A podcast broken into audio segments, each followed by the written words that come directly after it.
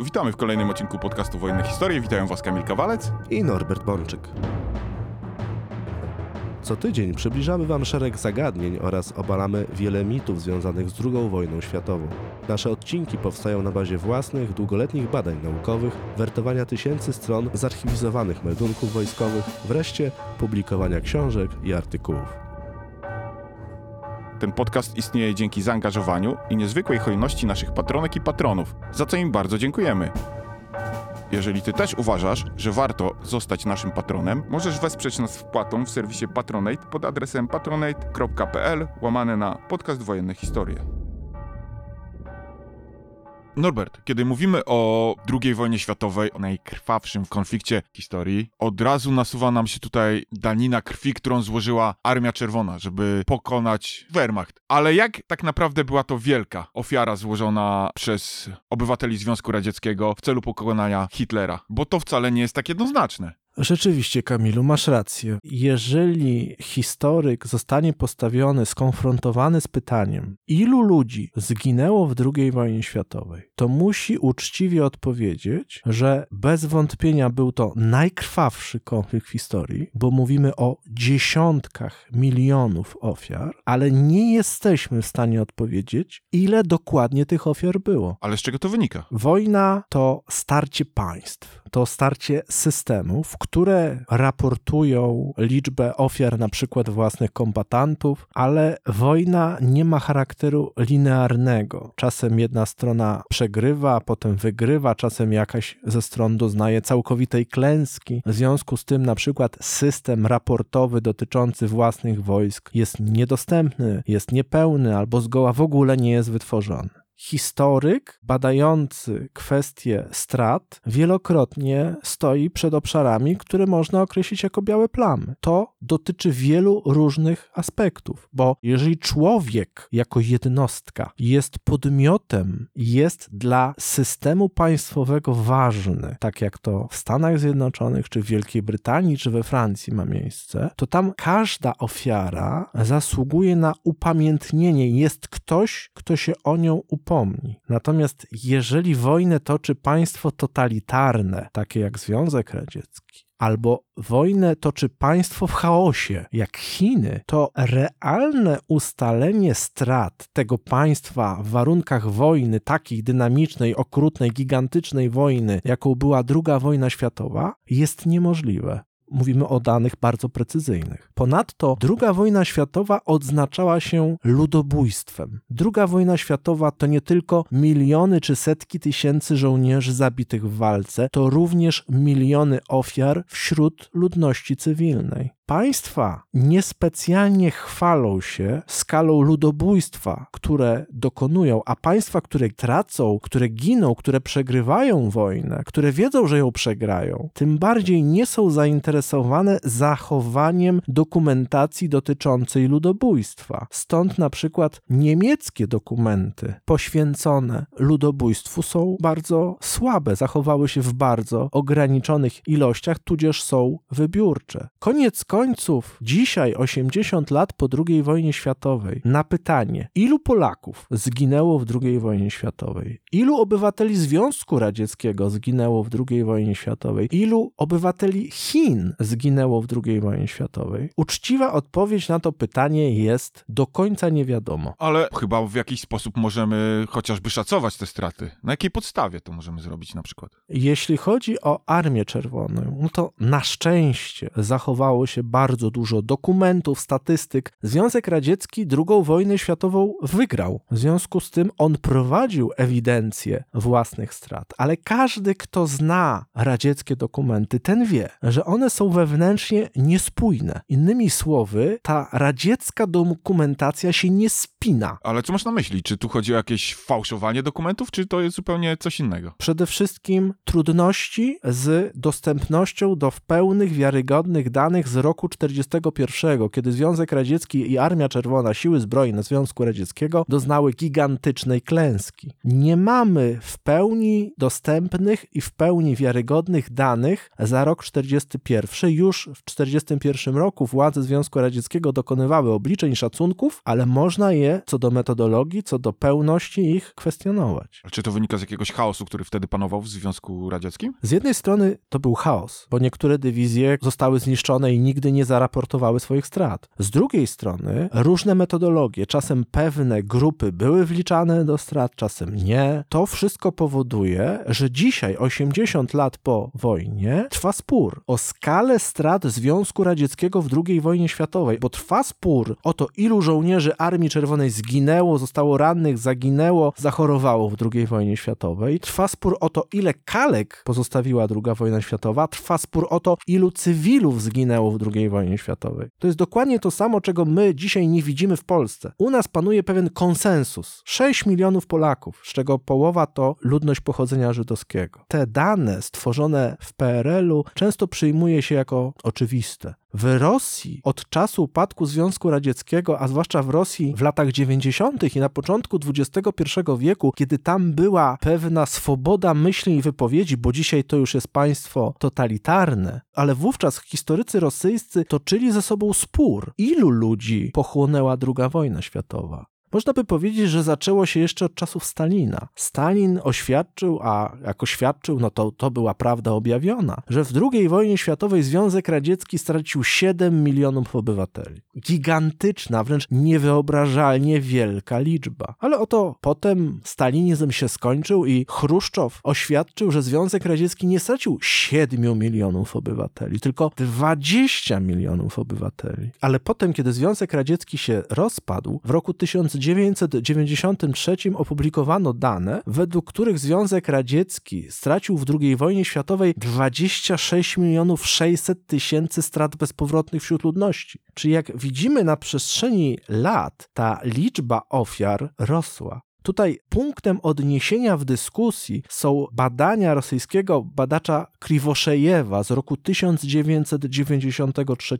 Wtedy opublikowano dokumenty wcześniej niejawne z rosyjskich, z radzieckich archiwów i można by powiedzieć, że te ustalenia Kriwoszejewa sprzed 30 lat po dzień dzisiejszy są punktem wyjścia, są punktem odniesienia do dyskusji o rosyjskich stratach tak wojskowych, jak i cywilnych w II wojnie światowej. Ale potem w kolejnych latach na przełomie 20 i XXI wieku pojawiła się grupa rosyjskich historyków, która zaczęła kwestionować dane Kriwoszejewa, mówiąc, że one są zaniżone, że te straty są jeszcze większe. Najwyższe szacowane straty przez niektórych rosyjskich badaczy, ale od razu zastrzegam, bardzo mało wiarygodne, całkowicie tak naprawdę nieprawdziwe. Ale mówią nawet o 40 milionach zabitych w II wojnie światowej w ZSRR, ale one są rzeczywiście niewiarygodne. Ale zobaczmy na skalę, na rozpiętość. Od oficjalnej propagandy stalinowskiej o 7 milionach po już tezy o 40-43 milionach zabitych w II wojnie światowej. Ale bazą wyjściową do dyskusji jest Kriwoszejew. 26 milionów 600 tysięcy strat bezpowrotnych, zarówno jeśli chodzi o Armię Czerwoną, jak i o ludność cywilną. Zanim zatem przejdziemy jeszcze do samej Armii Czerwonej i jej strat, chyba też warto powiedzieć, ilu z tych ludzi to byli po prostu cywile. Nie byli to żołnierze. Jak, jak duże straty ludności cywilnej możemy szacować po stronie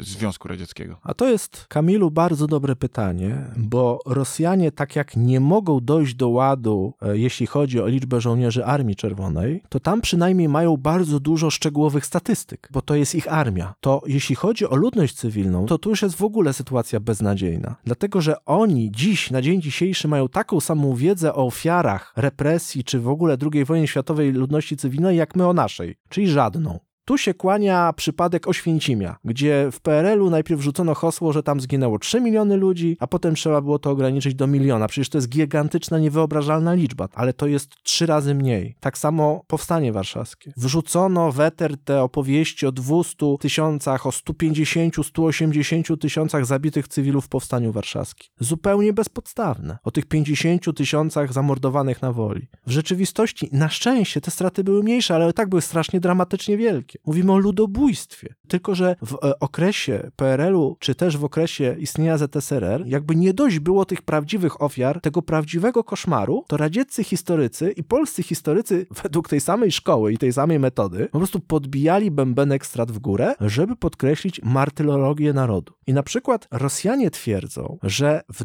II wojnie światowej zmarło lub zginęło ponad 13 milionów ich obywateli cywilów z czego mówią, że aż 7,5 miliona to byli ludzie, których Niemcy w ten czy w inny sposób zabili, w tym ponad 2,5 miliona ludności żydowskiej. Ale też historycy mówią, że na przykład ponad 4 miliony ludzi w wyniku wojny zmarło z głodu, że ponad 2 miliony zginęło w ramach robót przymusowych na terenie Rzeszy. Jak zobaczymy te liczby, to łatwo się zorientujemy, że one są abstrakcyjnie absurdalne. No właśnie, o to chciałem spytać. Czy to są szacunki też na podstawie jakiejś swoistej, powiedzmy, polityki historycznej, czy tutaj już są jakiekolwiek przesłanki, żeby rzucać aż tak olbrzymimi liczbami? To jest polityka historyczna, dlatego że tak naprawdę, tak jak powiedziałem, Niemców można złapać w wielu konkretnych miejscach, na konkretnych raportach o liczbie na przykład rozstrzelanych, ale nie złapiemy Niemców w rozumieniu zachowanej ich dokumentacji, że możemy powiedzieć, że na terenie na przykład obszarów okupowanych Związku Radzieckiego oni wymordowali 7 milionów ludzi. Nie ma żadnego podkładu dokumentacyjnego, który by to potwierdzał. Wiemy, że zamordowali miliony ludzi, ale czy to były 2 miliony czy 5, to uczciwie trzeba przyznać, że nie potrafimy tego odpowiednio osadzić w kontekście. Najlepszym przykładem jest twierdzenie historiografii rosyjskiej, że w ramach prac przymusowych zginęło na terenie Europy kontrolowanej przez Niemców 2 miliony ponad obywateli Związku Radzieckiego, podczas gdy niemieckie dokumenty na ten temat mówią o śmierci 200 tysięcy ludzi.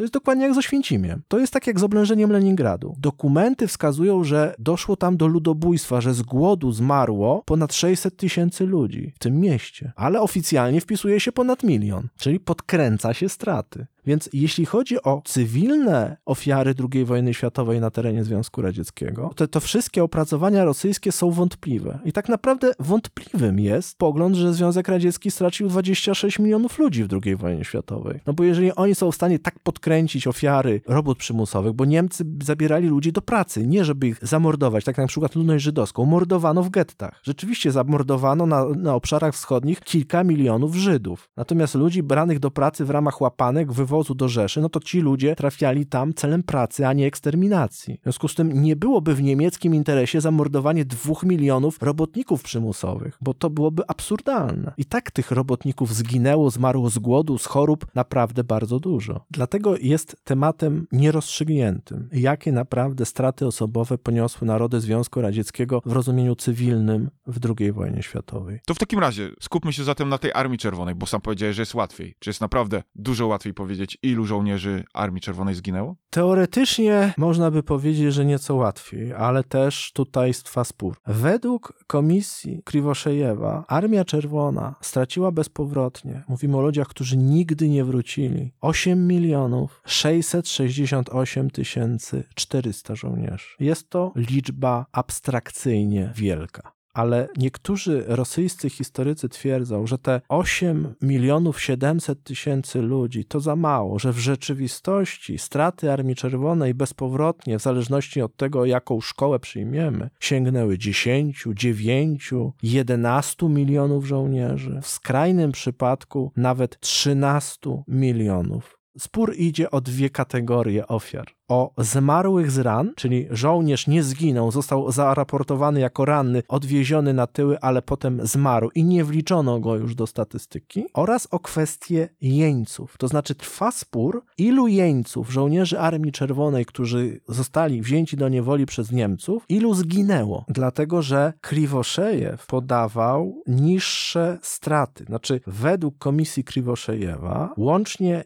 żołnierzy zaginionych jako jeńców podawał dawano 4 miliony 560 tysięcy, ale według badań z lat 90. bardzo duża część z tych ludzi miała potem zostać wyzwolona w obozach lub ponownie w inny sposób znaleźć się w służbie w Armii Czerwonej, w związku z czym te straty bezpowrotne były pomniejszone o 2 miliony 900 tysięcy ludzi. Czyli według badań z lat 90. tak naprawdę jeńcy, którzy zmarli w obozach, to było około 1,5 miliona ludzi. Podczas gdy inni historycy mówią o tym, że po pierwsze jeńców było więcej, bo nie 4,5 miliona, ale 5 milionów 700 tysięcy i że zginęło w obozach niemieckich, bo Niemcy tak naprawdę skazywali tych ludzi na śmierć głodową, że zmarło ponad 2,5 miliona, że 800 tysięcy poszło na służbę do Niemca, żeby w ogóle przeżyć, bo mieli wybór albo śmierć głodowa, albo praca, albo siedzieć w obozie i umrzeć z głodu. No więc 800 tysięcy byłych czerwonoarmistów rozpoczęło służbę w siłach pomocniczych Rzeszy. Część skierowano do obozu, w wyniku czego ponad 2 miliony 300 tysięcy doczekało wyzwolenia, natomiast ponad 2,5 miliona zmarło z głodu, z chorób, zginęło w ten czy w inny sposób po wzięciu do niewoli. Tu jest spór, a drugi spór dotyczy zmarłych z ran. Kriwoszejewska komisja podawała, że zmarłych z ran było milion 100 tysięcy żołnierzy, podczas gdy inni historycy podają większe liczby, znacznie większe. Tu spór tak naprawdę toczy się o ponad milion żołnierzy zmarłych z ran. No, podsumowując może te ustalenia z lat 90. Według ówczesnych oficjalnych komunikatów Armia Czerwona w II wojnie światowej była gigantyczną siłą zbrojną, dlatego że w latach 39-45 w szeregi Armii Czerwonej wcielono 34,5 miliona ludzi. To jest liczba niewyobrażalnie wielka. Związek Radziecki w roku 1939 liczył około 170 milionów ludzi. Chociaż i tutaj kwestionowana jest kwestia metodologii spisu powszechnego, ale przyjmijmy, że w roku 1939 Związek Radziecki liczył 170 milionów ludzi. Kiedy zakończyła się II wojna światowa, według też wątpliwych spisów z roku 1946 Związek Radziecki dalej liczył 170 milionów ludzi. Tylko, że w międzyczasie zmieniały się granice i wedle granic z 22 czerwca 1941 roku obywateli Związku Radzieckiego, na przykład nas Polaków przymusowo wcielonych do ZSRR, Łotyszy, Litwinów, Estończyków, Rumunów było w sumie między 194 a 197 milionów. Czyli Związek Radziecki w czerwcu 1941 roku miał powiedzmy 197 milionów obywateli, a w 1946 roku, 5 lat później, już tylko 170 milionów. No czyli gdzieś te 24-27 milionów obywateli mu było. Część tych ludzi, tak jak powiedziałem, rzeczywiście zginęła na wojnie, część zmarła z głodu. Te straty można różnie rozpisać. No ale Związek Radziecki miał 197 milionów obywateli w szczycie swojej potęgi, powiedzmy, i przez szeregi Armii Czerwonej przewinęło się 34 miliony ludzi. To jest właściwie w pewnym zaokrągleniu Wehrmacht i US Armii razem wzięte w tej wojnie. No bo Amerykanie, którzy wojnę wygrali jako mocarstwo światowe, nie musieli zaangażować, to znaczy ubrać w mundur więcej jak 16 milionów swoich obywateli. Związek Radziecki, żeby przetrwać, musiał zaangażować ponad 30 milionów ludzi. I Armia Czerwona w 1941 roku liczyła ponad 5 milionów ludzi. W 1943 roku przekraczała 9. W roku 1945, kiedy wojna dobiegała końca, Armia Czerwona i Flota Czerwona to było ponad 11 milionów ludzi pod bronią. Czyli Stalin powiększył armię ponad dwukrotnie, ale jednocześnie w latach 41-45 miała miejsce prawdziwa hekatomba ludzi, którzy ubrali mundur Armii Czerwonej. Bo nawet komisja Kriwoszejewa, która, przypomnijmy, ona podała, że zginęło i już nigdy nie wróciło 8 milionów 668 tysięcy żołnierzy. Przy czym straty były jeszcze wyższe, bo tak jak powiedziałem, wedle komisji Kriwoszejewa część wziętych do niewoli potem powróciła. Licząc i tych, którzy powrócili, ale którzy przejściowo byli wyeliminowani z walki, to Armia Czerwona straciła 11 milionów 285 tysięcy żołnierzy trwale wyeliminowanych i to było 5 milionów 226 tysięcy zabitych w walce, milion 100 tysięcy zmarłych z ran, ponad pół miliona zmarłych z chorób, z wypadków poza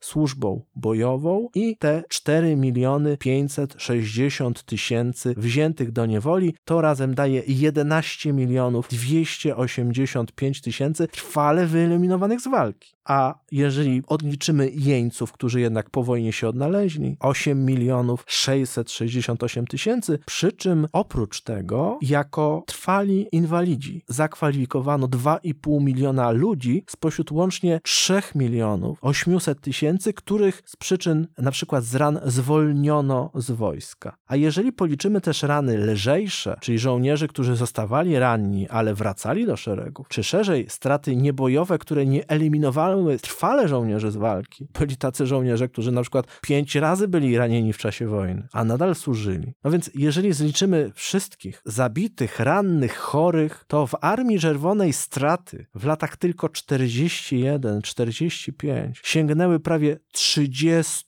milionów zabitych, rannych, zaginionych i chorych. Czyli Stalin powołał pod broń ponad 30 milionów ludzi, ale kiedy wojna się kończyła i tak jego armia liczyła tylko lub aż 11 milionów. Jak myślisz, co się stało z pozostałymi dwudziestoma paroma milionami ludzi? Mówiąc brutalnie, połowa z nich znajdowała się na cmentarzu albo w grobach bezimiennych, bo według oficjalnych raportów rosyjskich współczesnych na ziemiach Federacji, ale też na ziemiach Białorusi, Ukrainy, leży w grobach 6 milionów niezidentyfikowanych ofiar. Te liczby są oszałamiające. Porównajmy to do Wielkiej Wojny, do czasów, kiedy rozpadła się carska Rosja. Przecież armia cara straciła 2 miliony 200 tysięcy żołnierzy zabitych, a liczba cywilnych ofiar I wojny światowej na ziemiach rosyjskich to jest 400 tysięcy ludzi. Nie ma nawet porównania Wielkiej Wojny i II wojny światowej. Pierwsza wojna światowa, która doprowadziła do upadku Rosji, doprowadziła do wojny domowej, do upadku caratu, to są 3 miliony ofiar, niespełna, podczas gdy Związek Radziecki jako państwo totalitarne wytrzymał wojnę, która pochłonęła według oficjalnych dzisiejszych statystyk 20-26 milionów ludzi, ale nawet jeżeli nie liczymy tych, których zabili Niemcy na terenach okupowanych, bo to nie obciążało systemu totalitarnego Związku Radzieckiego, ale sama Armia Czerwona straciła bezpowrotnie ponad 11 milionów żołnierzy, a z rannymi to te straty według oficjalnych danych Komisji Kriwoszejewa z rannymi to było 29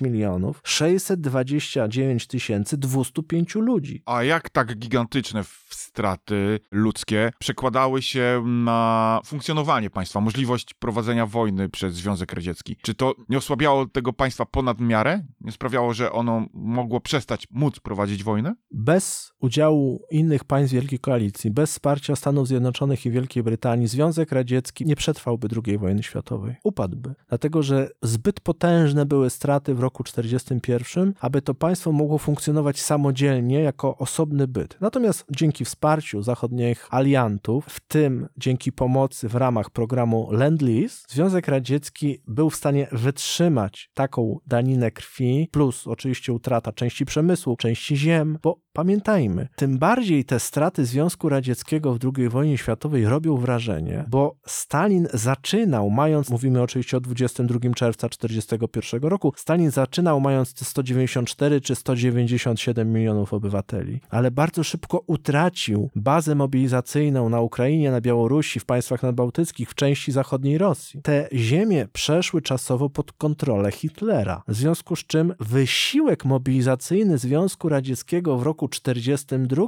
czy w 43 był gigantyczny. Tutaj historycy nie są zgodni, tak naprawdę trwa spór w zakresie mobilizacji procentowej, jeśli chodzi o Hitlera i Stalina. No ale faktem jest, że Związek Radziecki był w stanie przetrwać tak gigantyczne straty właśnie dzięki pomocy zachodniej oraz dzięki bezwzględności systemu totalitarnego, jakim był. To znaczy, wydaje się, że żadne inne państwo wobec takiej skali strat i katastrofy nie przetrwałoby niemieckiego uderzenia. now. Czy zatem ten rok 1941 był najstraszniejszy, jeżeli chodzi o straty dla Związku Radzieckiego, czy pozostałe lata w jakiś sposób no, można porównać do tej tragedii roku 1941? Druga wojna światowa ma kilka etapów. Często błędnie lub celowo manipuluje się historią w ten sposób, aby celowo pomniejszyć znaczenie Lend-Lease'u, gdy mówi się, że Związek Radziecki sam, jeszcze zanim ten Lend-Lease się rozkręcił, w latach 41-42 wyhamował tempo niemieckiego uderzenia. To jest prawda tylko częściowo, ale nawet jeżeli zgodzimy się, że Lend-Lease rozkręcił się w latach 43-44, to pamiętajmy o jednym. Czym innym było powstrzymać Hitlera, a czym innym było go pokonać. Związek Radziecki ponosił gigantyczne straty zarówno w obronie, jak i w ataku. Innymi słowy, olbrzymią daninę krwi Armia Czerwona płaciła zarówno kiedy broniła się i ponosiła klęski, jak i kiedy odnosiła zwycięstwa. I ten wysiłek w 43-44 roku był gigantyczny. To nie był spacerek na zachód. Bez pomocy zachodniej nie można było pokonać Niemiec w 43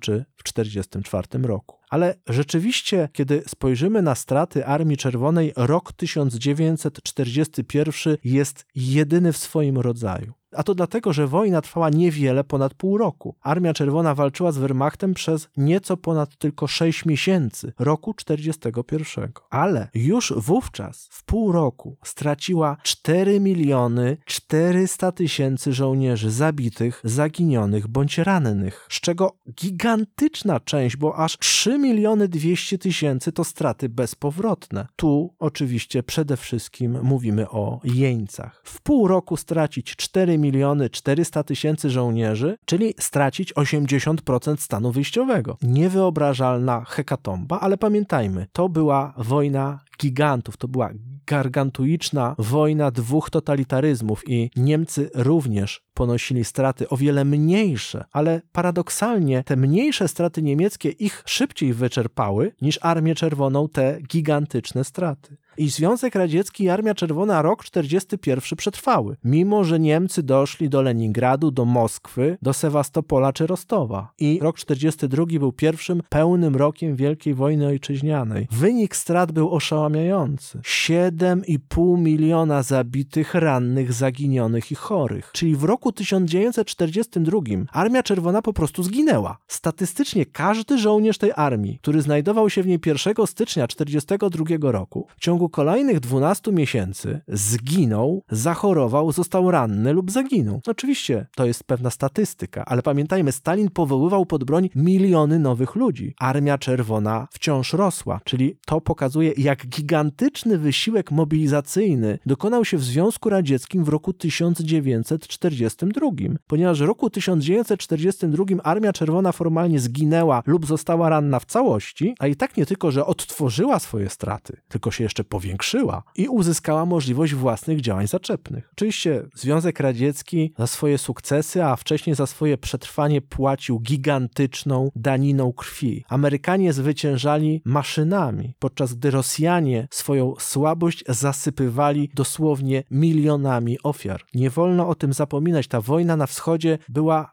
jedyna w swoim rodzaju. To była jakaś przerażająca maszynka do mielenia ludzkiego mięsa. Front wschodni nie ma analogii z żadnym innym frontem europejskim, ale nie w rozumieniu znaczenia, tylko w rozumieniu strat krwawych. I ten rok 42 to jest 7,5 miliona wyeliminowanych w ten czy inny sposób żołnierzy, ale jest jedna zasadnicza różnica z rokiem 41. Otóż Armia Czerwona nie ma już takich rzeszjeńców. Wielkie kotły roku 41 już się nie powtarzają. I oto ciekawa różnica w statystyce, bardzo ważna. W roku 41 Armia Czerwona straciła łącznie 4 miliony 400 tysięcy żołnierzy w pół roku, z czego 3 miliony 200 tysięcy to straty bezpowrotne. W roku 42 ogólne straty sięgnęły już 7,5 miliona w rok, ale straty bezpowrotne to znowu 3 miliony 200 tysięcy w rok, czyli straty bezpowrotne spadły dwa razy, bo nie było już wielkich kotłów, nie było już wielkich klęsk, czyli te straty z roku 41 to przede wszystkim nie zabici, tylko jeńcy. Przy czym niestety dla nich duża część tych jeńców stanie się wkrótce zabitymi, bo po prostu Niemcy zabiją ich w ten czy w inny sposób. Rok 1943 był na froncie wschodnim rokiem decydującym i Armia Czerwona poniosła wówczas największe straty w skali rocznej w ramach II wojny światowej. 7 milionów 700 tysięcy żołnierzy, ale straty bezpowrotne w rozumieniu zabici jeńcy były już wyraźnie mniejsze, chociaż oszałamiające. 2 miliony 300 tysięcy ludzi. Rok 44. Ogólne straty w zabitych, rannych, zaginionych to 6 milionów 700 tysięcy, ale straty całkowicie bezpowrotne to 1 600 tysięcy. A więc już w roku 44 wyraźnie widzimy, że straty Armii Czerwonej maleją. W roku 1945, w dwóch pierwszych kwartałach, bo nie mówimy tu o walkach przeciwko Japończykom, straty Armii Czerwonej zamknęły się w niespełna 3 milionach ludzi, z czego ponad 700 tysięcy trwale wyeliminowanych i to pokazuje z jednej strony, że te straty dalej spadały, ale z drugiej strony mówimy tylko o czterech tak naprawdę miesiącach wojny i ten rok 45 to dobijanie Niemiec to okres gigantycznych strat. To są olbrzymie straty. Armia Czerwona miała 700 tysięcy zabitych w 45 roku. Jeszcze w kwietniu i maju. Przecież Niemcy są już kompletnie wyczerpani. Oficjalne rosyjskie statystyki mówią o tym, że w ostatnich sześciu tygodniach II wojny światowej w Europie Armia Czerwona miała ponad 200 tysięcy zabitych. Słowem, trup kładł się, ścielił się gęsto do ostatniego dnia. Te sukcesy Armii Czerwonej zawsze były okupione gigantyczną daniną krwi. W 44-45 roku wciąż. W czasie wojny, oprócz tych 11 milionów 285 tysięcy trwale wyeliminowanych, kolejne 3 miliony 800 tysięcy ludzi zwolniono z Armii Czerwonej, bo nie nadawali się już do służby. A to im rękę urwało, a to nogę, a to dostali postrzał w żołądek i w płuca. 2,5 miliona z tych ludzi to były kaleki. Czyli jeżeli policzymy straty bezpowrotne plus zwolnionych ze służby, to nawet według komisji Kriwoszejewa w latach 41-45 wyeliminowano z walki trwale, łącznie z jeńcami, 15 milionów żołnierzy Armii Czerwonej. Gdybyśmy te statystyki przedstawili jakiejś amerykańskiej komisji, no to oni by wszyscy chyba pobledli. Zresztą to jest rzecz bardzo charakterystyczna, że historycy zachodni, czy to są francuscy, brytyjscy czy amerykańscy, oni do tych strat na froncie wschodnim podchodzili zawsze jak do jakiejś nierzeczywistości. Znaczy, to jest taka skala strat, że im wybija poza skalę wyobraźni. Tym bardziej, że oni są w stanie policzyć każdego własnego zabitego, niemal wskazać go z nazwiska powiedzieć im, że ktoś nie może się doliczyć w tą lub w tamtą pięciu czy sześciu milionów ludzi, to im się to po prostu w głowie nie mieści. A na wschodzie tak właśnie jest. I to jest bardzo ważne, żebyśmy zrozumieli, kiedy porównujemy front wschodni z frontem zachodnim, jak Amerykanie i Anglicy, dzięki właściwemu wykorzystaniu techniki, dzięki właściwemu uzyskaniu przewagi, mogli bić Niemców, zwyciężać ich przy relatywnie niskich stratach własnych, jak zupełnie inny rodzaj wojny technicznej prowadziły mocarstwa zachodnie z Niemcami, a jak zupełnie inną wojnę prowadził Stalin z Niemcami. To były dwie wojny. Ta amerykańska i angielska to była współczesna wojna technologiczna. To, co było na froncie wschodnim, to była rzeźnia łącząca klasyczną pierwszą wojnę światową z nowinkami technicznymi drugiej, co skutkowało niewyobrażalną hekatombą i milionami ofiar. A jak zatem ma się do tych gigantycznych liczb teoria mówiąca o nieprzebranych ilościach ludzi, których jeszcze można było w Związku Radzieckim wcielić do wojska? Czy to jest prawda? Mówienie, że Związek Radziecki miał niewyobrażalne rezerwy ludzkie, to jest nieprawda. Znaczy, Związek Radziecki doszedł do ściany. Możemy to łatwo policzyć. On miał, powiedzmy, te 194 miliony możliwości mobilizacyjnych w momencie rozpoczęcia wojny z Niemcami. Stracili kilkadziesiąt milionów obywateli, ponieważ front przesunął się na wschód. Stracili kilkanaście kolejnych milionów obywateli, bo oni zginęli. I baza mobilizacyjna Stalina w roku 42, w 43 gwałtownie się kurczyła, tym bardziej, że on w roku 42 zaciągnął do armii kogo tylko mógł. Dlatego to jest pewien cudzysłów, ale on dobrze oddaje realia. Dlatego zaciągnięto do fabryk kobiety i dzieci. Dlatego pracowali starcy, bo system mobilizacyjny zassał olbrzymią liczbę mężczyzn. Armia Czerwona nie miała możliwości prowadzenia wojny dalej w ten sposób. Gdyby wojna przeciągnęła się do roku 46, to Związek Radziecki znalazłby się już w głębokim kryzysie mobilizacyjnym. On już był w głębokim kryzysie mobilizacyjnym. Straty były za duże w rozumieniu możliwości pobierania młodego męskiego rekruta. Dlatego bardzo charakterystyczną rzeczą było to, że kiedy Armia Czerwona tylko wyzwalała jakiś kawałek Związku Radzieckiego, ale nawet wkraczała na nowe terytoria, teoretycznie sojusznicze bądź zdobyczne, no nie mówimy o Niemczech, ale na przykład spójrzmy na Polskę, spójrzmy na Mołdawię, spójrzmy na państwa nadbałtyckie. Tam natychmiast kogo się tylko można było wcielić, wcielano do wojska. Na tych terenach Białorusi, Ukrainy, wtórnie w 43, w 44 roku, nawet w Mołdawii, natychmiastowo wcielano setki tysięcy ludzi. Był głód żołnierza. Średnia liczebność dywizji strzeleckiej Armii Czerwonej w 1944 roku to jest 5-6 tysięcy żołnierzy. Braki etatowe 40-50%.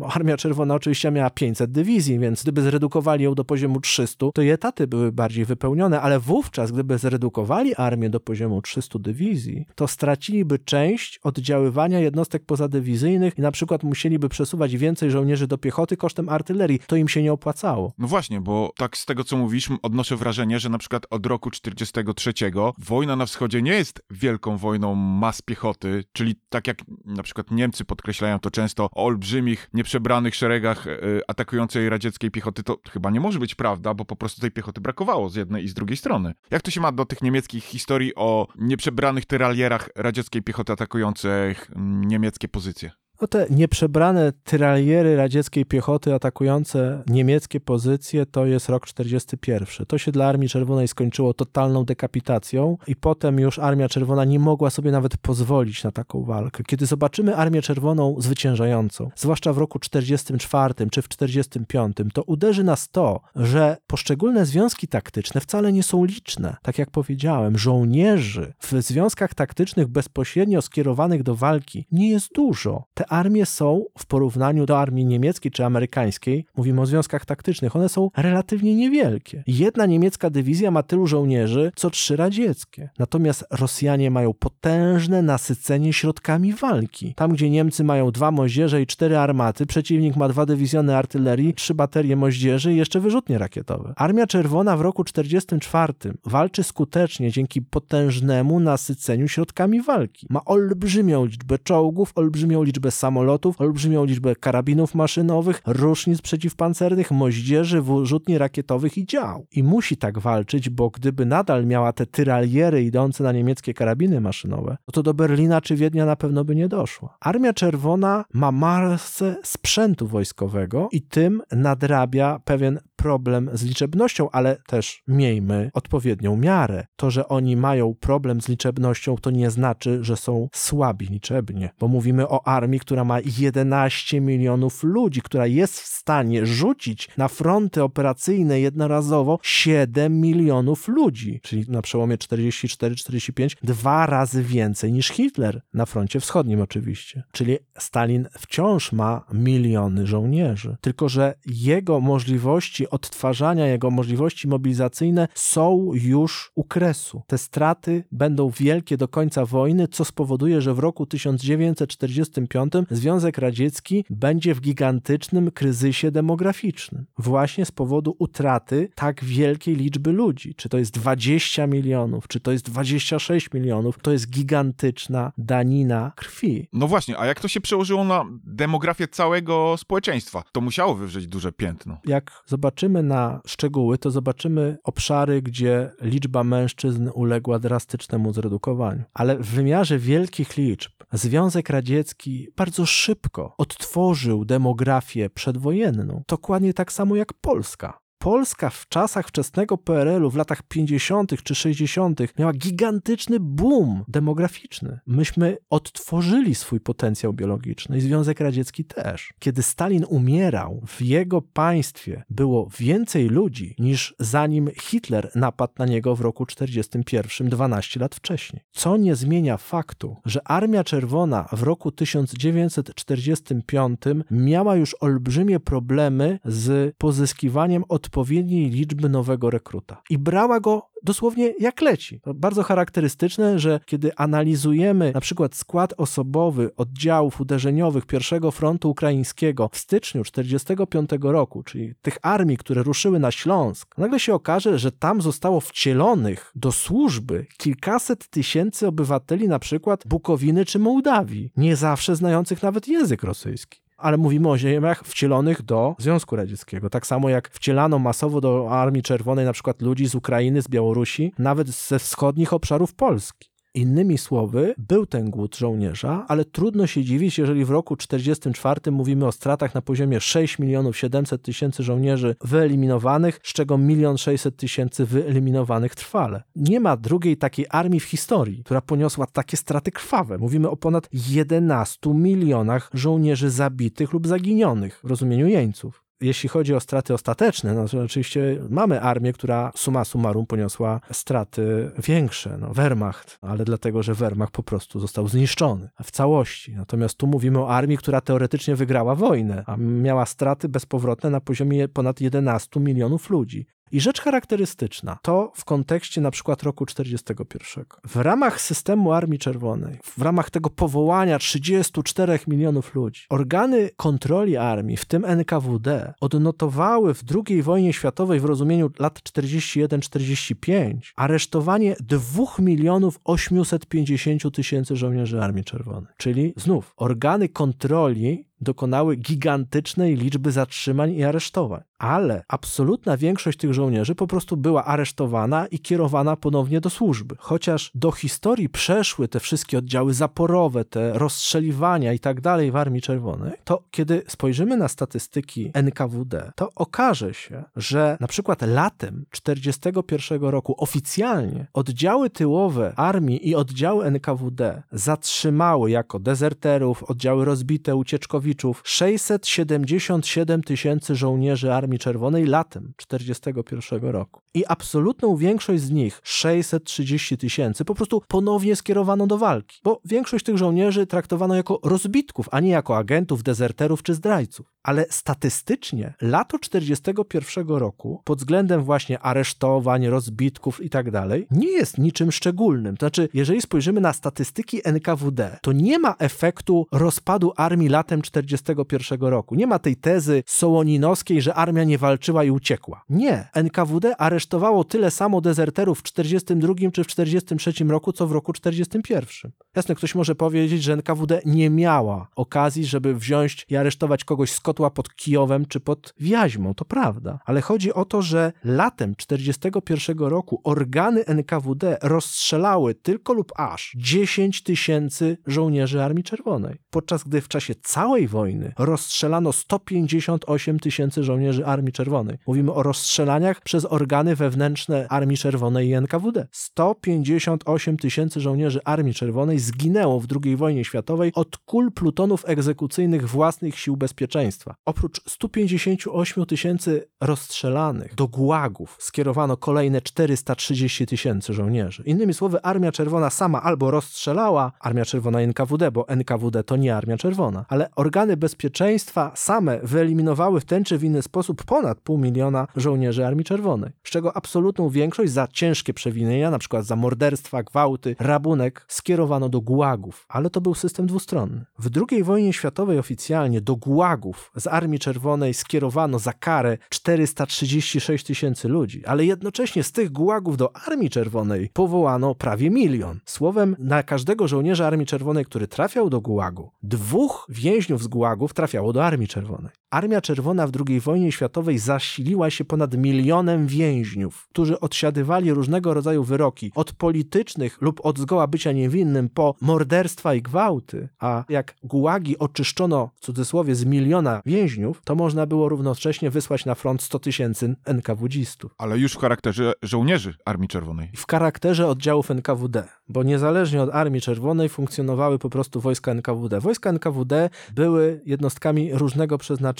Były przypadki w II wojnie światowej, kiedy dywizje czy pułki NKWD pełniły funkcje oddziałów liniowych, czyli po prostu walczyły z Niemcami. Ale zasadnicza rola wojsk NKWD była inna. To były i wojska ochrony pogranicza, i wojska specjalne, i wojska konwojenckie, i wojska wartownicze. My na przykład jako Polacy mamy z NKWD takie doświadczenie w roku 44 czy w 45, że Armia Czerwona powiedzmy w cudzysłowie się nami nie interesuje, bo walczy z Niemcami, ale na tyłach Armii Czerwonej znajdują się pułki NKWD, które wyłapują na przykład polskich żołnierzy, polskich partyzantów, którzy nie chcą iść do Berlinga, jak to się wówczas mówiło. Jeżeli spojrzymy na te wielkie liczby, to one są oszałamiające. Straty Armii Czerwonej w II wojnie światowej, nawet jeżeli przyjmiemy punkt widzenia komisji Kriwoszejewa, a nie te dane z y, przełomu wieku, które już mówią nie o, tak jak powiedziałem, prawie 8 milionach 700 tysięcy trwale wyeliminowanych, tylko one już mówią o 9, o 10, o 11, o 13 milionach zabitych i zaginionych bez wieści. Ale jeżeli nawet zostaniemy przy liczbach z komisji Kriwoszejewa, to one są po prostu porażające. W roku 1943,